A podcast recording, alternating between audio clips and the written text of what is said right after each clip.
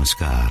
यो समय तपाईँ एडभेन्टिस्ट ओल्ड रेडियोको प्रस्तुति भोइस अफ होप आशाको बाणी कार्यक्रम सुन्दै हुनुहुन्छ। कार्यक्रम प्रस्तुता म रवि यो समय तपाईँको साथमा छु। हामी यहाँलाई हाम्रो कार्यक्रममा सहभागी हुनका लागि अनुरोध गर्दछौ।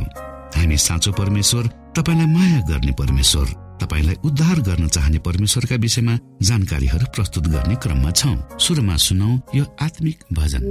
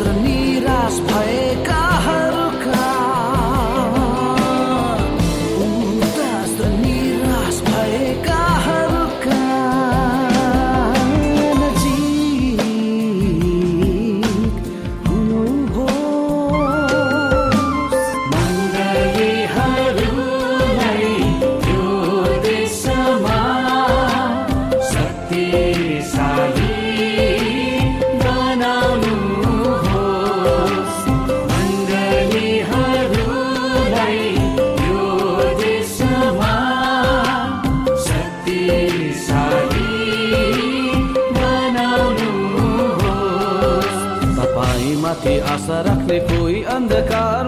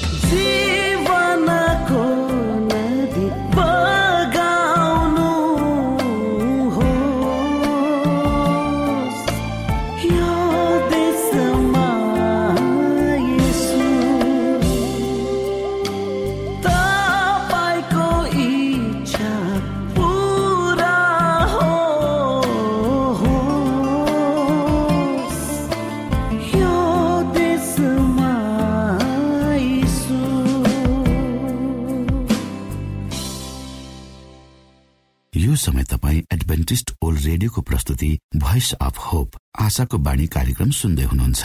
श्रोता मित्र यो समय हामी पास्टर उमेश पोखरेलबाट आजको बाइबल सन्देश सुन्नेछौ। श्रोत साथी न्यानो अभिवादन साथ म तपाईँको आफ्नै आफन्त अर्थात् पास्टर उमेश पोखरेल परमेश्वरको वचन लिएर यो रेडियो कार्यक्रम मार्फत पुनः तपाईँहरूको बीचमा उपस्थित भएको छु। श्रोता मलाई आशा छ तपाईँले हाम्रा कार्यक्रमहरूलाई नियमित रूपमा सुन्दै हुनुहुन्छ। र परमेश्वरका प्रशस्त आशिषहरू प्राप्त गर्दै हुनुहुन्छ। स्वत साथी यदि तपाईँका कुनै समस्याहरू छन् कुनै तपाईँका जीवनमा अनुत्तरित प्रश्नहरू छन् जसको सामना जसको उत्तर तपाईँले खोजिरहनु भएको छ कृपया गरेर हामीलाई हाम्रो पत्र व्यवहारको ठेगानामा लेखेर पठाइदिनु भयो भने हामी तपाईँप्रति आभारी हुने थियौँ। श्रोता आजको प्रस्तुतिलाई पस गर्नुभन्दा पहिले आउनुहोस् हामी परमेश्वरमा अगुवाईको लागि बिन्ती राख्नेछ जीवित जिउँदो महान दयालु परमेश्वर प्रभु यीशु हामी धन्यवादी छौँ। यो जीवन र जीवनमा दिनुभएका प्रशस्त आशिषहरूको लागि। प्रभु यो रेडियो कार्यक्रमलाई म तपाईँको हातमा राख्दछु। यसलाई तपाईँको राज्य र महिमाको प्रचारको खातिर यो देश र सारा संसार तपाईँले प्रयोग गर्नुहोस् धेरै आत्माहरूले तपाईँको राज्यमा प्रवेश गर्ने मौका पाउनुहोस् सबै बिन्ती प्रभु यीशुको नाम। आमेन।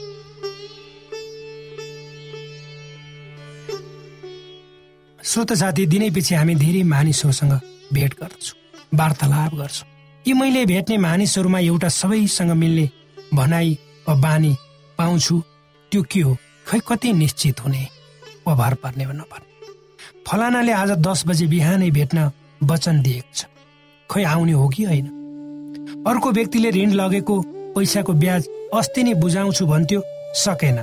तर आज बेलुकीसम्म त जसरी भए पनि ल्याउँछु भनेको छ। खै के गर्छ? गर्दैन। पत्याउने कार किनकि हामी धेरै मानिसहरू आफूले प्रतिज्ञा गरेका कुरामा चुक्छौँ वा आफूले गर्छु भनेको कुरा समयमा गर्दैन। आफूले कबुल गर्ने वा प्रतिज्ञा भने गर्ने तर त्यसलाई पाल नगर्ने कुरा यो संसारको लागि एक अभिन्न बोली र व्यवहार भइसकेको छ जस्तो मलाई लाग्छ। तपाईँले कसैलाई कुनै कामको निम्ति बोलाउनु भयो उसले सहजै भन्छ हुन्छ म भोलि बिहानै आउँछु। तर ऊ आउँदैन। कयौँ बिहान बित्छ तर ऊ आउँदैन। पुनः त्यो व्यक्तिलाई जब तपाईँ भेट्नुहुन्छ अनि त्यो व्यक्तिले तपाईँ बोल्नुभन्दा अगाडि नै म भोलि आइहाल्छु नि। अस्ति अस्ति आउन नसकेको कारणको बेली विस्तार लगाउँछ। विशेष गरेर हाम्रो जस्तो देशमा मानिसहरू केवल भोलि अनि भोलिको भाकामा जिउँछ। आजको संसारमा जिरहेका हामी त आजको निम्ति पो जिउनुपर्छ। भोलि कसलाई थाहा? आज हाम्रो हातमा छ।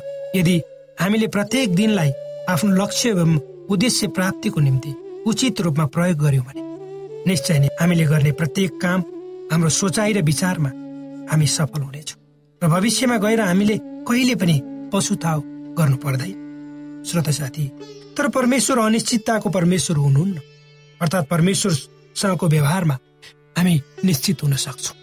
मानिसको व्यवहारमा भन्न सकिन्न। किनकि उहाँ सत्य र सही हुनुहुन्छ। उहाँ आफ्ना वचनहरूमा वचनबद्ध र अडिक हुनुहुन्छ। उहाँले हामी मानिसहरूले जस्तो आफ्नो मनलाई बारम्बार परिवर्तन गर्नुहुन्न। त्यसैले त पवित्र बाइबल धर्मशास्त्रको भजन सङ्ग्रह तेइस अध्यायको छ पदमा राजा दाउद परमेश्वरको प्रशंसाको भजन यसरी गाउँछन्। निश्चय नै तपाईँको भलाइ र करुणा मेरो जीवनभरि म पछि लाग्नेछ र परमप्रभुको घरमा म सदा सर्वदा बास गर्नेछु। राजा दाउदले कसरी परमेश्वरले उनलाई उनको जीवनमा विभिन्न पक्षहरू उतार चढावहरूमा अगुवाई गर्नुभयो। त्यो कुरा यहाँ व्यक्त गर्दछन्। त्यही विश्वासको आधारमा उनी परमेश्वरको भलाइको कुरा यहाँ गर्दछन्। र आफ्नै अनुभवद्वारा उनी भन्छन् कि उनको परमेश्वर विश्वास योग्यको परमेश्वर हुनुहुन्छ। र उनी परमेश्वरको दया र उदारतामा पूर्ण भरोसा राख्छन्। र परमेश्वर उनी सँगसँगै सधैँ रहनुहुनेछ भन्ने उनमा निश्चयता छ जब उनको जीवनका कयौं उतार चढावहरूलाई उनले परमेश्वरको शक्तिद्वारा सामना गरिसकेपछि तब उनी बेसी उनलाई के चाहियो? त्योभन्दा बेसी उनलाई के चाहियो? जब उनको जीवनका कयौं उतार चढावहरूलाई उनले परमेश्वरको शक्तिद्वारा सामना गरिसके तब अझ बेसी उनलाई के चाहियो? अब त उनी परमेश्वरको आनन्दमा मात्र जिउन चाहन्छन् रमाउन चाहन्छन् तपाईँ हामी पनि आफ्ना जीवनका परीक्षाहरू अप्ठ्याराहरूसँग जुझ्दै हुन सक्छौँ। लाग्दछ जीवनका सबै पाटाहरू अन्धकारले भरिएको छ तर परमेश्वरले तपाईँ र मेरो चासो राख्नुहुन्छ। हामीलाई उहाँले हेरिरहनु भएको छ। हामीलाई हाम्रा सबै किसिमका अयोग्यता र विद्रोहीपनहरूबाट आफूमा ल्याउन उहाँ चाहनुहुन्छ। श्रोता साथी हामी सोचौँ ती अवसरहरू जुन हाम्रो निम्ति हुन्। उहाँलाई प्रेम गरे। परमेश्वरलाई खुसी पार्नु भनेको ठुलो आनन्दको कुरो हो। हाम्रो निम्ति सबभन्दा ठुलो पुरस्कार भन्नु नै परमेश्वरको नजरमा वा उपस्थितिमा आफूलाई पुर्याउनु जब हामी उहाँको सिंहासन अगाडि हुन्छौँ त्यो बेला हामी कति खुसी र धन्यवादी हुनेछौँ। कहिले कल्पना गर्नुभएको छ? श्रोत साथी ज जसले उहाँलाई विश्वास गर्दछन् तिनीहरूले धेरै आशिषहरू प्राप्त गर्दछन् भनी परमेश्वरले भन्नुभएको छ के ती आशिषहरू प्राप्त गर्नको निम्ति तपाईँ लालयित हुनुहुन्न। तपाईँ चाहनु अवश्य। चाहनुहुन्छ। हामीहरू परमेश्वरसँग प्रार्थनामा किन माग्दछौँ? के उहाँलाई थाहा छ? हामीलाई के चाहिन्छ? के त्यो कुराहरू हामीले माग्नुभन्दा पहिले उहाँले हामीलाई दिनुहुन्न र? श्रोता उत्तर भनेको निश्चय नै दिनुहुन्छ। उहाँलाई थाहा छ। तर उहाँ चाहनुहुन्छ कि हामीले उहाँसँग मागौँ? यो सत्य हो कि परमेश्वरलाई हाम्रा इच्छा र आवश्यकता? थाहा छ। ती कुराहरूलाई हामीभन्दा बेसी उहाँ जान्नुहुन्छ। हामी जब उहाँमा समर्पित हुन्छौँ उहाँको अनुग्रह र प्रेममा हामी भर पर्दछौँ। जब हामी परमेश्वरसँग माग्छौँ त्यसले हामीले परमेश्वरलाई प्रेम गर्दछौँ भन्ने देखाउँछ। त्यसै कारण उहाँले हामीलाई चाहिने कुराहरू दिनुहुन्छ। आफूलाई राम्ररी अनुशासित किसिमले हिँडाउनु पर्छ र परमेश्वरका जनहरू भनी हामीले चिनाउनु पर्छ त्यसपछि हाम्रा आवश्यकताहरू परमेश्वरले पुरा गरिदिनुहुन्छ। अनि हामीले हाम्रो जीवनमा शान्तिको अनुभूति गर्न सक्छौँ। जुन शान्ति हामीले हामीलाई परमेश्वरका हौ भन्ने अनुभूतिले दिलाउँछ उक्त शान्तिले हाम्रो दिमाग र हृदयलाई प्रभु क्रिस्टमा एक बनाउँछ।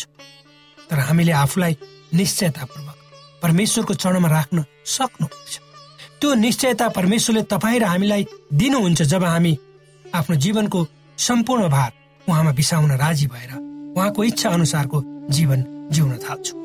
श्रोता साथी हामी सबै मानिस जाति स्वर्ग जान चाहन्छौँ। होइन र कसै कसैको निम्ति संसारको दुःख कष्टबाट भाग्नको निम्ति उनीहरू स्वर्ग जान सक्छ।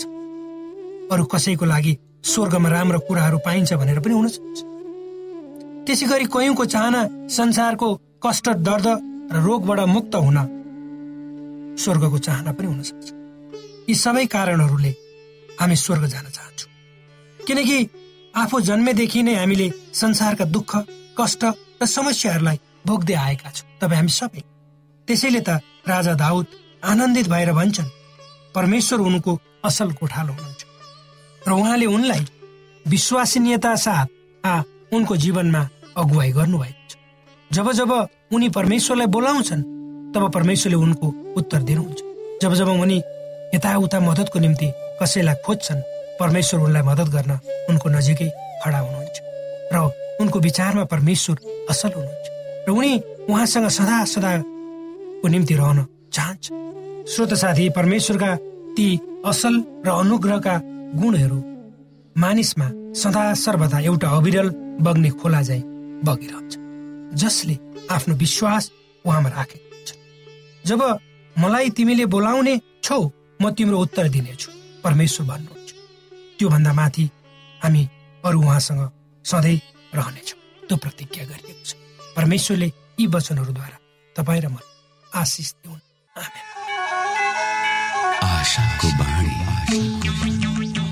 श्रोता भर्खरै यहाँले पास्टर उमेश पोखरेलबाट बाइबल वचन सुन्नुभयो।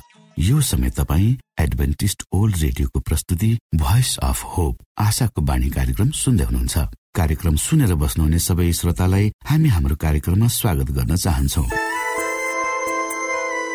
श्रोता मित्र यदि तपाईँ जीवनदेखि हरेस खानु भएको छ तपाईँका जीवनमा धेरै अनुत्तरित प्रश्नहरू छन् भने आउनुहोस् हामी तपाईँलाई परमेश्वरको ज्योतिमा डोहोर्याउन चाहन्छौँ। र तपाईँ आफ्नो जीवनका चिन्ता फिक्रीबाट निश्चिन्त हुनुहोस् र बाँच्नुको आनन्द परमेश्वरको सामिप्यमा कति मिठो हुन्छ त्यो चाख्नुहोस् भनी हामी चाहन्छौँ। श्रोता यदि तपाईँ आशाको बाणी कार्यक्रमलाई अनलाइन सुन्न चाहनुहुन्छ वा डाउनलोड गर्न चाहनुहुन्छ भने W W W dot A W R dot ओआरजीमा जानुहोस्। त्यहाँ तपाईँले प्रत्येक दिनको कार्यक्रम सुन्न र डाउनलोड गर्न सक्नुहुनेछ। हाम्रो वेब पेज यस प्रकार छ W W W dot A W R dot O R G श्रोता यदि तपाईँ हामीसित सिधै फोनमा सम्पर्क गर्न चाहनुहुन्छ भने हाम्रा नम्बरहरू यस प्रकार छन्।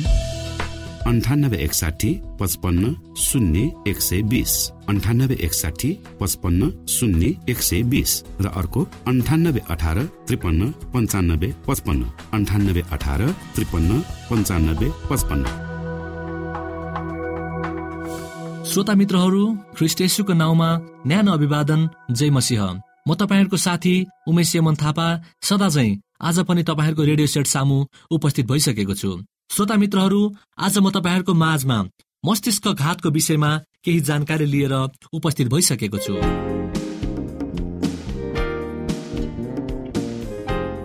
हाम्रो मस्तिष्कको कार्यक्षमतामा अचानक आएको रासलाई चिकित्सकीय भाषामा मस्तिष्क घात भनिन्छ।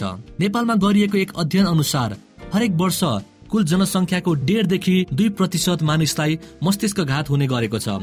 ती मध्ये एक तिहाईको मृत्यु एक तिहाईमा अपाङ्ग जीवन बिताउन बाध्य छन् भने एक तिहाईमा समयमा उपचार पाएको खण्डमा सक्रिय जीवनमा फर्कन सक्दछन्।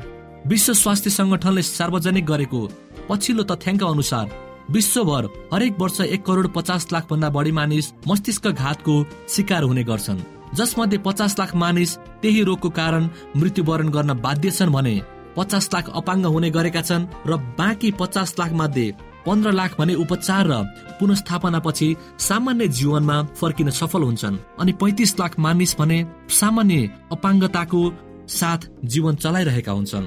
के हो मस्तिष्क घात सामान्य भाषामा भन्ने हो भने घात भनेको ड्यामेज हुनु हो। मस्तिष्कको घात भनेको दिमागमा अथवा ब्रेनमा घात भयो भने त्यसलाई मस्तिष्क घात भनिन्छ। तर यो घात भनेको चोटपटक लागेर भएको घात होइन। घात भनेको ड्यामेज हुनु हो। हाम्रो शरीरमा रगत नलीहरू रहेका छन्। मुटुले रगत नलीबाट शरीरको सबै भागमा रगतको माध्यमबाट खानेकुरा पुर्याइरहेको हुन्छ। फेरि त्यही अङ्गबाट अर्को रगत नली अथवा भेनबाट फर्केर फेरि मुटुसम्म आउँछ र मुटुले त्यो रगतलाई फोक्सोसम्म पुर्याउँछ। फोक्सोले सफा गर्ने अक्सिजन र कार्बन डाइअक्साइड एक्सचेन्ज गराउँदछ। एक पटक फोक्सोमा रगत सफा गर्ने काम गर्छ। अर्को पटक फोहोर रगत मुटुसम्म ल्याएर फेरि फोक्सोमा पुर्याउने काम गर्दछ। यो रगत नलीले रगत खुलाउने काम गर्छ। रगत नली ब्लक भयो भने हाम्रो दिमाग ब्लक हुन्छ।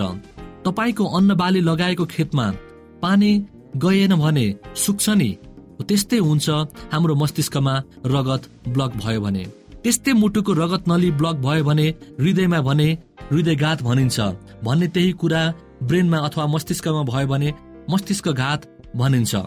तर मस्तिष्कमा अर्को एउटा पनि तरिकाबाट मस्तिष्क घात हुन्छ। रगत नली कहिले काहीँ फुट्छ। मुटुमा रगत नली फुट्ने सम्भावना खासै हुँदैन। अहिलेसम्म यस्तो घटना भएको पनि खासै सुन्नमा आएको छैन। तर ब्रेनमा चाहिँ रगत नली ब्लक पनि हुन सक्छ र फुट्न पनि सक्छ। मस्तिष्क घात चाहिँ दुई प्रकारको हुन्छ। रगत नली फुट्ने कारण चाहिँ ब्लड प्रेसर हाई छ भने रगत नली जतिखेर पनि बम जस्तै फुट्न सक्छ भने कसैको जन्मजात नै रगत नली ठाउँ ठाउँमा कमजोर हुन्छ। कसैको पहिला रगत बाक्लो थियो भने पछि पातलो हुने गर्छ। जस्तै पहिला मस्तिष्कको घात भएका बिरामीले औषधि प्रयोगबाट रगत पातलो बनाइरहेका हुन्छन्। त्यस्ता मानिसहरूको रगत धेरै पातलो भएको कारण ब्रेनमा अथवा दिमागमा समस्या हुन सक्छ। श्रोता मित्रहरू हामीले कसरी यसलाई कन्ट्रोल गर्ने त? यस्तै मस्तिष्कको घात भएको बिस प्रतिशत भने एक महिनामा मृत्यु हुने गरेको पाइएको छ। विश्वमा मानिसको मृत्यु गराउने तेस्रो रोगको रूपमा मस्तिष्कको घातलाई लिँदै आइरहेको छ। जुन कारणले हृदयघात गराएको छ त्यही कारणले मस्तिष्कको घात गराउन सक्छ। मस्तिष्कमा घात भयो भने त्यस्ता मस्तिष्कको घात बनिन्छ। मस्तिष्कको घात भएको तीस दिनमा मानिसको मृत्यु पनि हुन सक्छ। तर मस्तिष्कको घात भएको अस्सी प्रतिशतसम्म रोक्न सकिन्छ। श्रोता मित्रहरू यसबाट बच्ने उपाय। हरियो सागसब्जी र भेजिटेरियन खानामा हामीले एकदमै जोड दिनुपर्छ। घिउ खाँदै नखाने तेल एकदमै कम खानुपर्छ। खसीको मासु कम खाने सकभर नखाएको राम्रो। कुखुराको मासु पनि कम खाने। अब रोग अनुसार हेर्ने हो भने प्रेसर सुगर कोलेस्ट्रोल नियमित चेक गर्ने। यस्ता कुरामा ध्यान दिने समयमा स्वास्थ्य परीक्षण गर्ने हो भने अस्सी प्रतिशत मस्तिष्कको घातबाट बच्न सकिन्छ। श्रोता मित्रहरू यो त भयो मस्तिष्क घातको विषयमा केही छोटो जानकारी। म तपाईँहरूको साथी फेरि अर्को दिन नयाँ प्रस्तुति लिएर आउने बाचा सहित अहिलेलाई तपाईँहरू माझबाट बिदा माग्दछु। जय मसिंह धन्यवाद। कोभिड नाइन्टिनका सम्पूर्ण खोप वा भ्याक्सिनको सफल परीक्षण गरिएको छ। यी भ्याक्सिन लिनाले हामी गम्भीर बिरामी हुनबाट जोगिन सक्छौ। त्यसैले तपाईँ पनि यो खोप लिनुहोस्। यदि तपाईँलाई पहिले नै कोभिड पोजिटिभ देखिसकिएको छ भने तपाईँ यो खोप चाँडै नै लिनुहोस्। यसो गर्नाले हामी र हाम्रो समुदायमा रोग प्रतिरोधक शक्ति चाँडै नै आउनेछ र हामी सबैजना पहिले जस्तै सामान्य जीवनमा फर्कन सक्दछौ। युनेस्को डब्लुएचओ र रेडियो कार्यक्रम आशाको बाणीबाट जनहितमा जारी सन्देश। आदरणीय मित्र बाइबलले बताएको छ परमेश्वरले तिर्खाकाहरूलाई तृप्त पार्नुहुन्छ र भोकालाई उत्तम पदार्थले सन्तुष्ट पार्नुहुन्छ। हामीलाई दिइएको यो छोटो समय आशाको बाणीको प्रस्तुतिको समयमा हामीले हाम्रा श्रोताको आत्मिक भोकलाई केही मात्रामा भए तापनि सही प्रकारको खोराक पस्केर आत्मिक सन्तुष्टि दिन सकेका छौँ केही ऊर्जा थप्न सकेका छौँ भनेर हामीले आशा राखेका छौँ। आफ्ना मनमा भएका केही दुविधा र शङ्काहरू छन् भने अवश्य हामीसँग बाँडेर शङ्काको निवारण गर्नुहुनेछ र सही प्रकारको बाटो पहिलाउन सक्नुहुनेछ परमेश्वरको सच्चाइले अझ राम्रो बुझ्न सक्नुहुनेछ र आफ्नो जीवनलाई परमेश्वरमा पूर्ण समर्पित भएर समर्पण सहितको जीवन बिताउन सक्नुहुनेछ भनेर आशा राख्दै अब हामी हाम्रो कार्यक्रम सकिएको जानकारी यहाँलाई गराउन चाहन्छौ। जानुभन्दा अगाडि श्रोता हामी यहाँलाई हाम्रो ठेगानाको विषयमा जानकारी गरौं। हामीसँग पत्राचार गर्ने हाम्रो ठेगाना यस प्रकार छ। आशाको बाणी पोस्ट बक्स नम्बर दुई शून्य शून्य शून्य दुई काठमाडौँ नेपाल। आशाको बाणी पोस्ट बक्स नम्बर दुई शून्य शून्य शून्य दुई काठमाडौँ नेपाल। यसै गरी श्रोता यदि तपाईँ हामीसँग सिधै कुराकानी गर्न चाहनुहुन्छ भने हाम्रो फोन नम्बर यस प्रकार छ। अन्ठानब्बे एकसाठी पचपन्न शून्य एक सय बिस। अन्ठानब्बे एकसाठी पचपन्न शून्य एक सय बिस। र अर्को अन्ठानब्बे अठार त्रिपन्न पन्चानब्बे पचपन्न। अन्ठानब्बे अठार त्रिपन्न पन्चानब्बे पचपन्न। हामीलाई इमेल पनि गर्न सक्नुहुन्छ। हाम्रो इमेल एड्रेस यस प्रकार छ।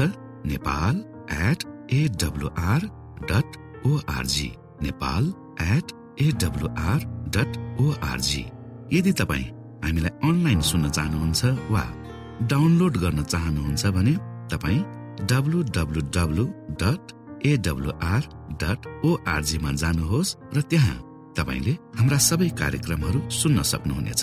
हाम्रो वेब पेज यस प्रकार छ W W W dot A W R dot O R G श्रोता यसमा गएर तपाईँले हाम्रा दैनिक कार्यक्रमलाई सुन्न सक्नुहुनेछ। र डाउनलोड पनि गर्न सक्नुहुनेछ।